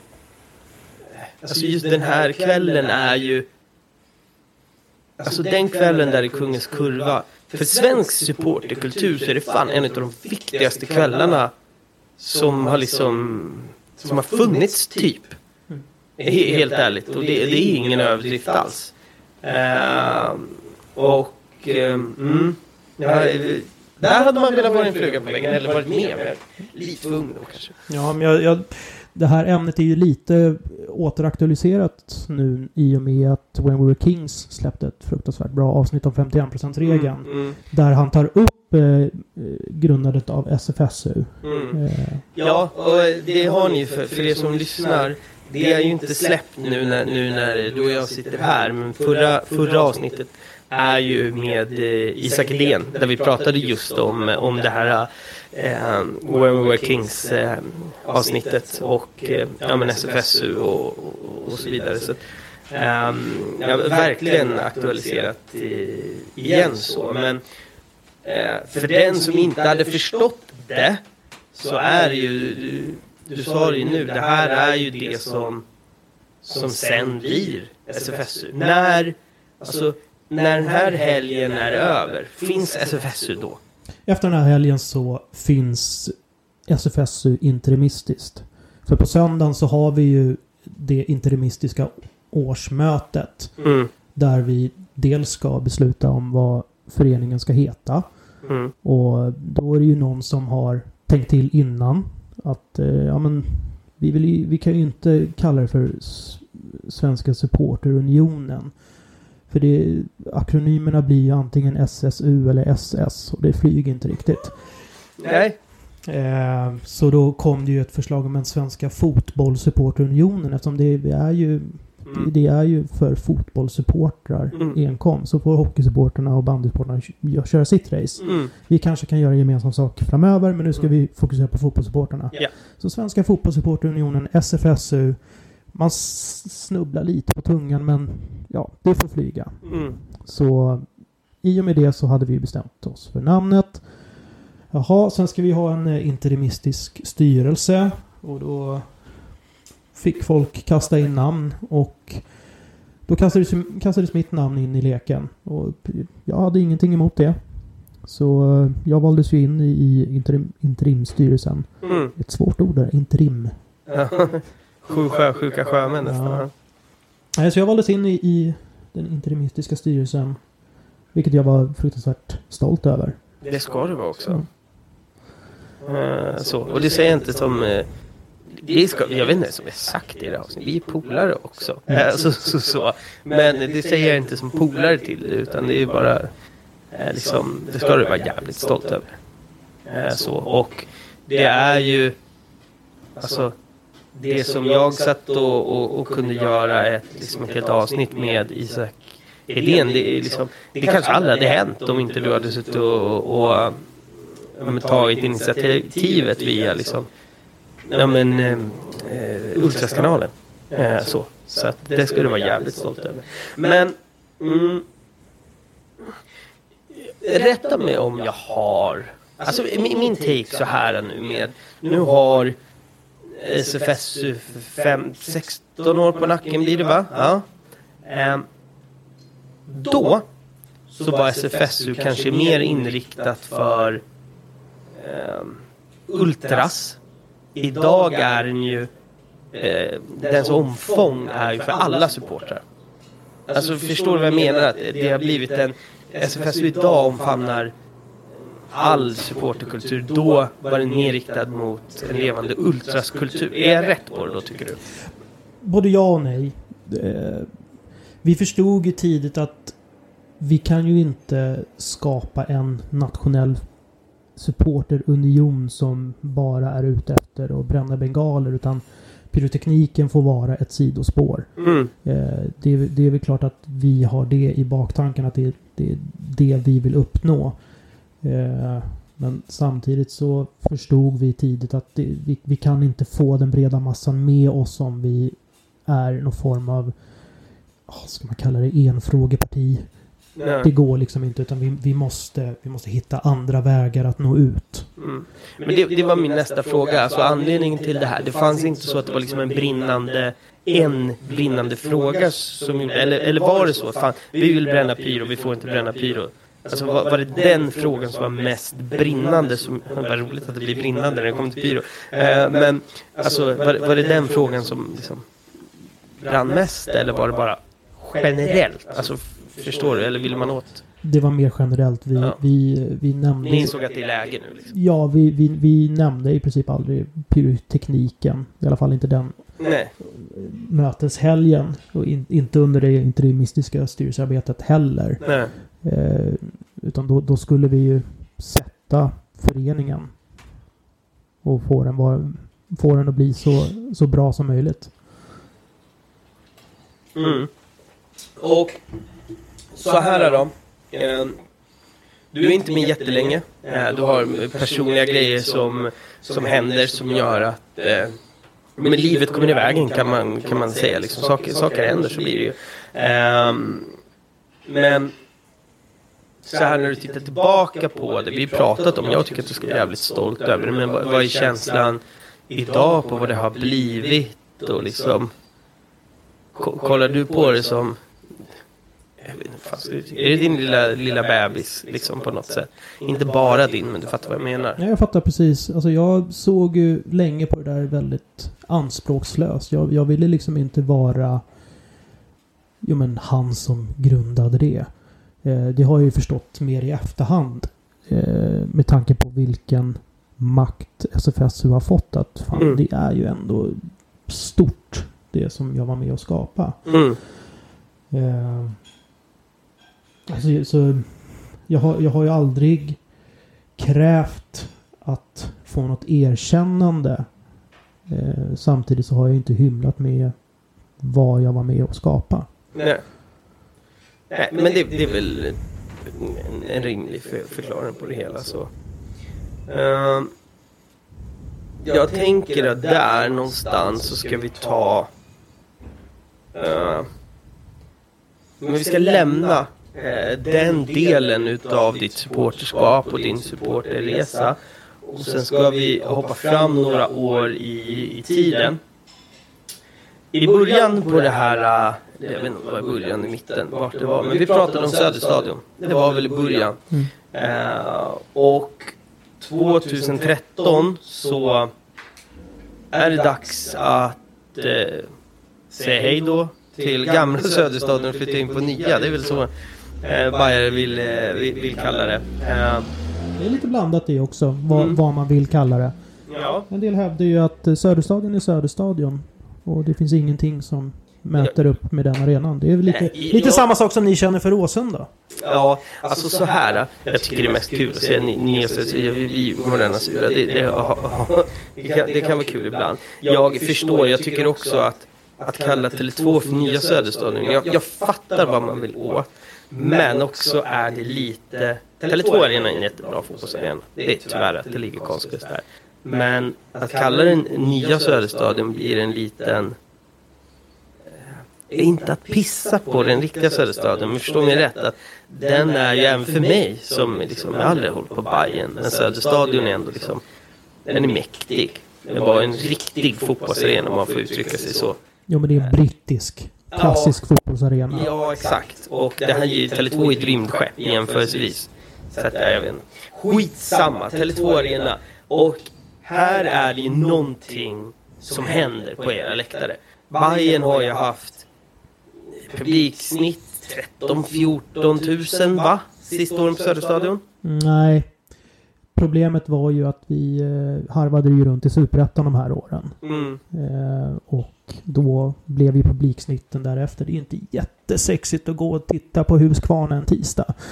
Äh, ja, det är speldagarna som är sämst också när man hamnar i Superettan. Det är det som är mörkt också. Ja, Inte klassiska måndag, söndag, utan det är, det var ju tisdag, onsdag. ja, men det var ju alla veckans dagar. Mm. Men fördelen var ju att vi spelade i alla fall under mästerskapen. Så Mm. vi slapp ju uppehållen. Ja, den är fin dock. Men det, det som händer här. Det går en flytt 2013 och det finns ju ett helt avsnitt att göra om den jävla flytten i bombhot och allt möjligt och det var kaos. Men det tänker jag att vi ska skita i. Men här sker det ju... Alltså, så här, nu när man tittar på det i efterhand så känns det som att det gick från en match till en annan. Men så var det ju inte riktigt när jag tänker efter utan det stegrade det var ju under typ en höst där det stegrade med tusen pers per match kändes det som. Och sen helt plötsligt så bara helvete, de var fan 20 000 hemma en tisdag. Alltså det gick, det gick inte över en natt, det gick ganska fort. Alltså så. Men vad vad, vad händer här då? Ja, det som händer är ju att eh, vi får ju en, en helt ny spelplan att leka med. Mm. Eh, och det, det blir ju samtidigt någon form av eh, rustningskrig eh, mot Djurgården som som då har fått för sig att de också ska spela sina hemmamatcher där. Mm. Ehm, och ja men... Det, det, det blir, det blir en, en explosion av eh, tillströmning av supportrar. Ehm, och det, det, är, det är svårt att, att kunna hävda att eh, ja, men det, det fanns inte det fanns inte plats på Söderstadion längre. För vi, vi fyllde inte Söderstadion de sista matcherna. Eh, abs- den absolut sista var ju utsåld och mer därtill. Jo, men, eh, men det, sista- sista är sista. Men matcherna innan där så hade vi publiksnitt på ja, men, strax under 10 000. Mm. Eh, och det, det Alltså det- den intressanta frågan här nu. För nu, nu sitter det ju väldigt många av, av de som lyssnar. De som är bajare har sin version. Sen finns det, du vet ju själv hur, hur folk skrockar. Att det är folk från Dalarna, det finns alla möjliga. Nybajare sånt uttryck som många djurgårdare använder. Alltså, det är ju det här skämtsamt. Och det finns ju... Eh, det finns en del kanske sanning i det. Det finns en stor del också avundsjuka för att vi andra hängde inte med riktigt. Det bara skedde liksom, på, på, på Tele2 och vi, vi andra Stockholmslagen och runt Sverige undrar vad fan är det som pågår liksom. Helt plötsligt så var är 25 000 man en, en måndag mot Halmstad. Så vad fight det till liksom. Men du är ju på den här tiden vid flytten också fortsatt aktiv liksom eh, ja, men ultraskubbe i Bayern och eh, det finns väl inte ett svar på frågan men vad är slutsatsen? Var kommer alla människor ifrån? Alltså det Och är, hur jobbade ni för att få dit dem? ska, ska jag avslöja de hemligheterna? Nej, det är väl inga hemligheter. Nej, men det, det är ju ett, eh, ett eh, stort arbete som ligger bakom det. Både från klubben och supportrarna själva. Eh, på, på den här tiden så jobbade ju Hammarby Fotboll starkt med eh, rekrytering av dels nya supportrar men även supportrar som kanske inte går på matcher lika ofta. Samtidigt som Bayern fans eh, och eh, Bayernland då jobbade hårt på samma sätt fast ur en annan synvinkel. Och där har vi ju eh, vi har ju två stycken eh, tyvärr avlidna bajare som man verkligen kan hylla. Den, den ena är Patrik Ljungström som är eh, han som såg till att Tele2 blev vad den blev idag. Mm. Eh, och vi har ju även Marcus Ziegler som då var en av eh, Bayernlands frontfigurer. Eh, och även, han var även aktiv inom Bayern Fans och deras medlemsrekrytering. Eh, så allt hängde ju samman på något sätt. Och den här säsongen 2013 då skedde ju flytten mitt under säsongen så vi fick ju Just Vi fick det ju två stycken hemmapremiärer i princip. Mm. Eh, eller vi behandlade det som två hemmapremiärer. Vi har ju hemmapremiären på Söderstadion och sen så Mm. blir det hemmapremiär på nya arenan. Mm. Och ja men premiären på nya arenan var, det var jag tror det var 25 000 och sånt där. 24 25 000. Jag tänkte det här är ju otroligt. Det här kommer vi aldrig få se igen. Mm. Jag var så jävla skeptisk till det där. Eh, jag var inte på den matchen. Eh, jag var inte på många matcher alls den hösten. Eh, och det, det var mycket för att eh, avskedet från Söderstadion, det, det, det, det blev för tufft helt enkelt. Jag, Men det, det var med min känsla att folk, eh, många bajare uttryckte sig i termer att "Nej, jag tappade sugen nu. mm. Ja, jag, Jag är inte så jävla sugen, vad ska jag till det här jävla rymdskeppet? Det här är inte Bajen. Alltså så, det, det var ju så många uttryckte sig Mm. i sociala medier. Eller, Mm. Nej, nu skiter jag i det här. Liksom, typ så. ja, ja, jag är rätt säker på att jag gick inte en enda match 2013 på nya arenan utan det var 2014 jag gick min första. Ja. Det, Bara av den anledningen Ja. att du kände, fan det här är inte Bajen för mig. ja. Ja. Så jag, jag var ju lite motsatt. Med, medan eh, Hammarbys publiksiffror skjuter i höjden så slutar jag gå. Och folk var nästan arga på att publiksiffrorna sköt så mycket i höjden också. Alltså många bajare som hade gått länge var ju såhär, vilka fan är ni? Har ni liksom varit på Bajen inför, alltså och krigat för biljett för att få biljett på Söderstadion? Nu är det helt plötsligt lätt, då kan ni gå. Alltså det var ju den retoriken som gick att läsa liksom. Ja, det, det är möjligt. Det, det, det, det, blev en, en väldigt mörk period för mig. Så jag, jag har inte jättemycket minnen. Men var det en identitetskris för Hammarby? Hårt ord kanske. Det, det, det är ett väldigt hårt ord att använda. Jag skulle inte vilja säga identitetskris utan det, det är ju mer av en, en identitetsformatering. Mm. Kan man, kan man ni hade ju inte mycket val. Alltså, det, det, inte, det, det, ni valde inte själva. Nu jävlar vill vi göra så här. Man blir ju tvingad in i det. Ja, jo, vi... Delvis var det ju vårt val. Vi hade ju jobbat för en ny arena sedan 80-talet. Mm. Eh, men sprack av flera olika anledningar. Och sen Mm. nu när det äntligen var klart och vi fick vara med och, och forma den utefter våra önskemål och behov. Så... Ja men Djurgårdens intåg, det var ju, det var ju jävligt tufft det också. Ska de komma in på ett bananskal och liksom skörda vårat arbete. Mm. Det kändes fel när de något år innan hade stått på bästa sändningstid och sagt att ja, men Ja, vi, den vi, intervjun är vi, legendarisk. ja, vi ska inte in på någon jävla nya Söderstadion. Vi ska ha en egen arena på Östermalmshyttan. Vi, vi, vi gick till och med ut i, i Bajenled och aktivt stöttade den processen att de skulle få sin egen arena. Ja. Och det var ju egentligen av rent själviska anledningar. Att vi vill inte ha in dem Nej, nej. utan men vi- vi visade vårt stöd för, för Djurgården att ja men det är klart att ni ska ha er, er egen arena. Ja. Mm. Och om man, om man tar aspekten... Eh, vad gav det för nya möjligheter om vi studsar tillbaka lite till liksom men ultraskulturen och, och, och sådär. Vad gav det för nya möjligheter att komma in på, på Tele2 Arena? Det, det gav ju nya möjligheter eftersom här kunde vi starta om från noll lite grann. Vi, vi kunde välja och vraka att här står vi. På Söderstadion var det, alla hade sina fasta platser. Mm. De har stått där i 20 år redan och vad fan, kommer någon, någon 16-åring in med en tvåpinsflagga och skymmer sikten på den platsen jag har stått i alla år. Det är väl klart att man blir lack. Men här kunde vi ta vår plats och Mm. säga att här kommer det bara flaggor i vägen. Mm. Ta det eller dra. Mm. Och så, så blev det. Mm.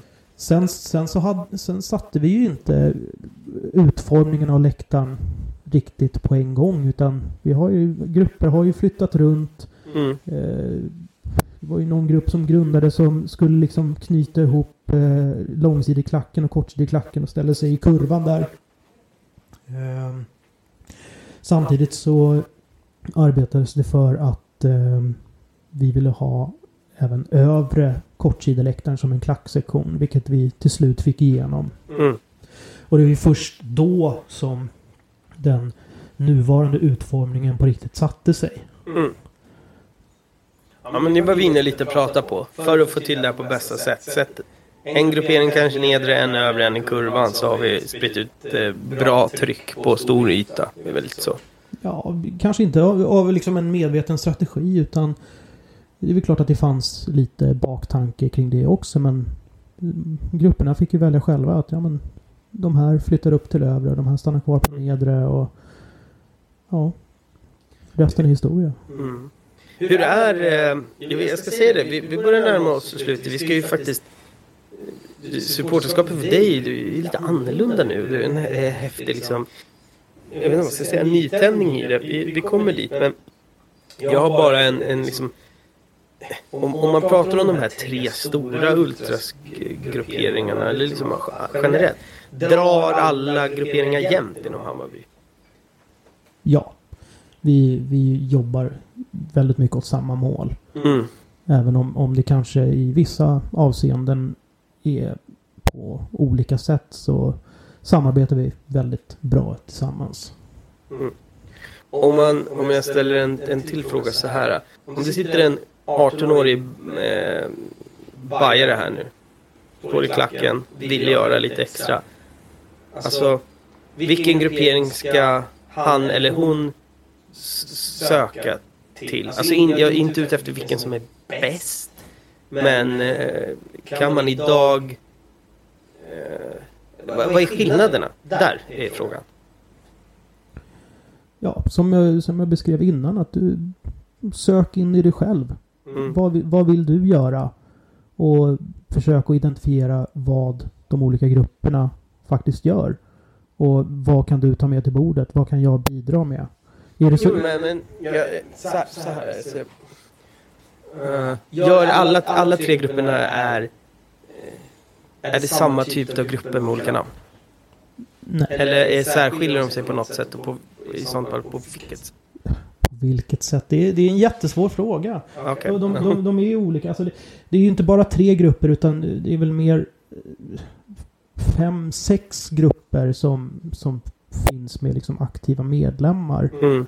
Ehm, utöver de tre som vi redan har namngett så finns ju även Et Ultras-kollektivet. Ehm, du har ju Soulboys. Alltså, men det, det finns liksom Det finns ju massa olika Mm. eh, med, med liksom o, olika typer av sätt att angripa läktarkulturen. Mm. Eh, så mitt, min rekommendation är att sök in i dig själv. Vad, vad vill du göra? Och försök att identifiera vilken grupp som passar dig bäst. Mm. Och bara gå fram och säg hej. Och förklara ditt ärende. Så hjälper de dig. Mm. Uh, ja men grymt. Nu ska vi ta en, en, en sista liten vändning. För att det är lite det det har gjort. Förutom att vara en, en, en trevlig prick och Hammarby-supporter så är du pappa också. Eh, och eh,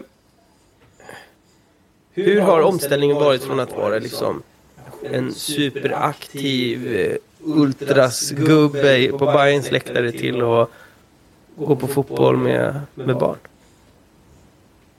Det, det har ju varit en stor omställning och det har ju varit lite av en bidragande orsak till varför jag inte har kunnat vara så aktiv som jag kanske önskat ibland. Mm. Eh, För att eh, jag separerade ju från barnens mamma eh, rätt tidigt också. Mm.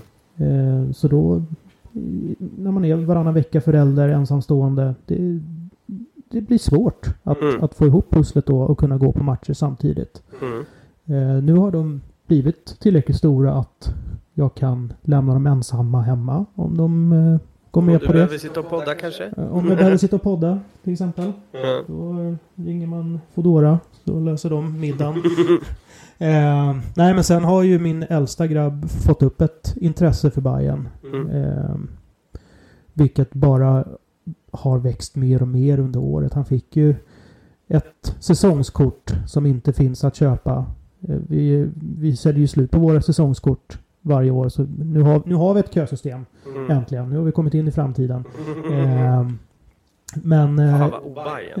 Det ska fortfarande vara bara en jävla tombola vem som får. Det hade ju varit... eh, Ja, det hade, hade nog varit lite mer passande. Men, nej, men nu har vi ju... Vi har ju, når ju 16 000 säsongskort varje Mm. säsong. Men så har vi ett kösystem. Men samtidigt så har vi system att de som redan har säsongskort får ju förköpsrätt. Så jag sa till honom att eh, förmodligen kommer inte du få ett eget säsongskort. Men Mm. du har en biljett till varje hemmamatch om du vill. Mm. Så han, eh, han följer ju med mig på, på alla hemmamatcher. Och även de bortamatcher som, som funkar. Mm. Så han var ju med på sin första bortamatch här i, i Svenska Cupen. Fick han åka till Borås tyvärr. Ja, fan vad mörkt alltså. man, är, man är så trött på Borås. Det, Torska alltid där också. Ja, när vi mötte Elfsborg. Nu, nu mötte vi ju Norrby. Ja men den är... Så det- den är fan, åka till Borås och inte ens på Elfsborg. Det, ja. Ja. Ja, nej men eh, man, man, man gillar deras arena. Men Ja, det, Borås Arena är Ja. jävla fem plus arena. Sen, eh, sen räcker det med hyllningar av Borås tycker jag. Ja. Men alltså, jag vill bara ta det. Hur är det att se... Det är en sak att ta med sig eh, alltså, barn på fotboll.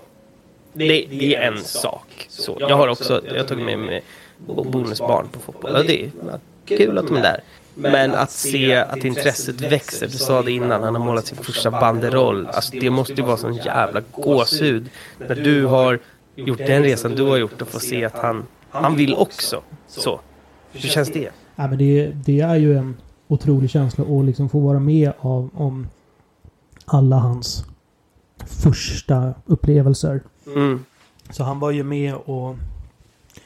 Han var inte med och tog fram motivet för det, det hade jag klart för mig redan innan vad, vad det skulle vara. Men Mm. han var med och skissade. Jag visade honom hur det funkar.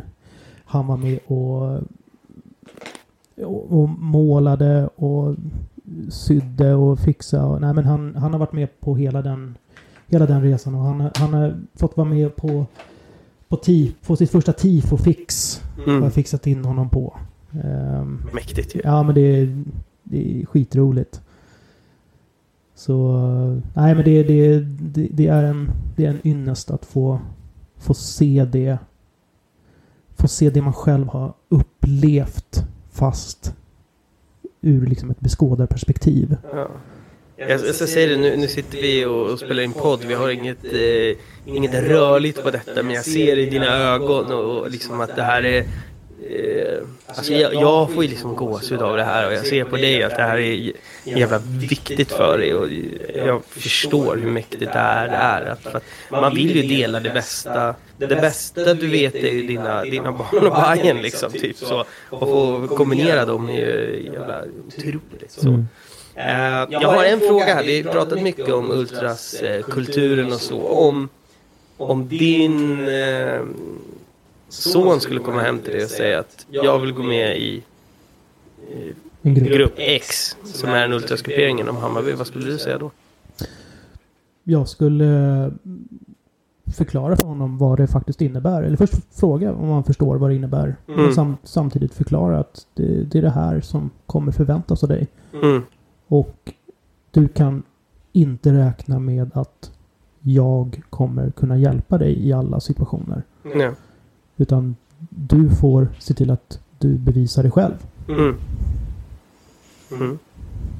Jag ställer frågan så här för att jag hoppas ju alltid att i sådana här avsnitt att det sitter eh, de som lyssnar, jag hoppas att deras föräldrar lyssnar. Du vet den här 16-17-åringen. Att de kanske kan spela upp det här avsnittet för, för sin, sin mamma eller pappa så att de inte behöver vara så jävla nervösa. Det är därför jag ställer frågan. Så. Eh, för att du, du sitter ju trots allt i den situationen. Du är eh, och har varit en, en framstående ultraskubbe inom eh, liksom, inom Hammarby och varit med och dragit fram SFS så hade du sagt aldrig i livet på den här frågan. Eh, då, då är det kanske svårt att, att motivera sig. Jag får ju sådana frågor i, i, i DMs också så att säga av föräldrar eller tonårskillar och tjejer som har oroliga föräldrar. Så jag tror att man kan vara ganska lugn som förälder. Så. Jag eh, har inte jättemycket mer här. Känner du att är det någonting du känner att vi liksom har missat eller som du ska ta med här eller någonting som du vill peta in punkten övrigt liksom? Nej, jag känner väl att jag har fått med allting. Ja. Och eh, jag tror också så här. Eh,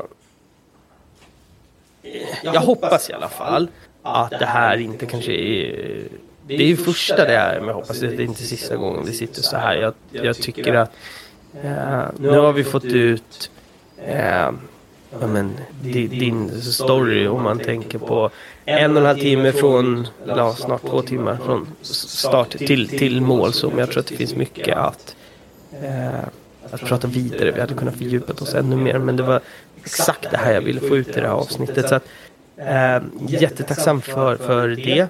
Uh, jag ska... Det, det, som vi inte har tagit här, det är ju en away days. Men jag tänker lite så här. Uh, jag antar att du har en ruggig away days. Vi hade kunnat gjort ett helt jävla avsnitt som bara var away days. Och det är kanske det vi ska göra. Jag tänkte på det, jag vet att jag bad dig i, inför det här avsnittet att ta ut det. Men nu när vi har suttit skrivit det så jag vet inte det passade inte riktigt in i den här storyn som vi berättar idag. Men det får fan, det kanske är del två med dig helt enkelt. Eller del tre om det här blir två delar. Ja, sen är vi ju inte Niva heller. Vi kan inte göra en fem timmars sittning. Det går, men det är, du, du har barn att komma hem till och jag har eh, börjat få jävligt ont i arslet också. Så är det. Eh, men eh, jag ska avsluta som jag alltid avslutar. vad är supportkultur för dig?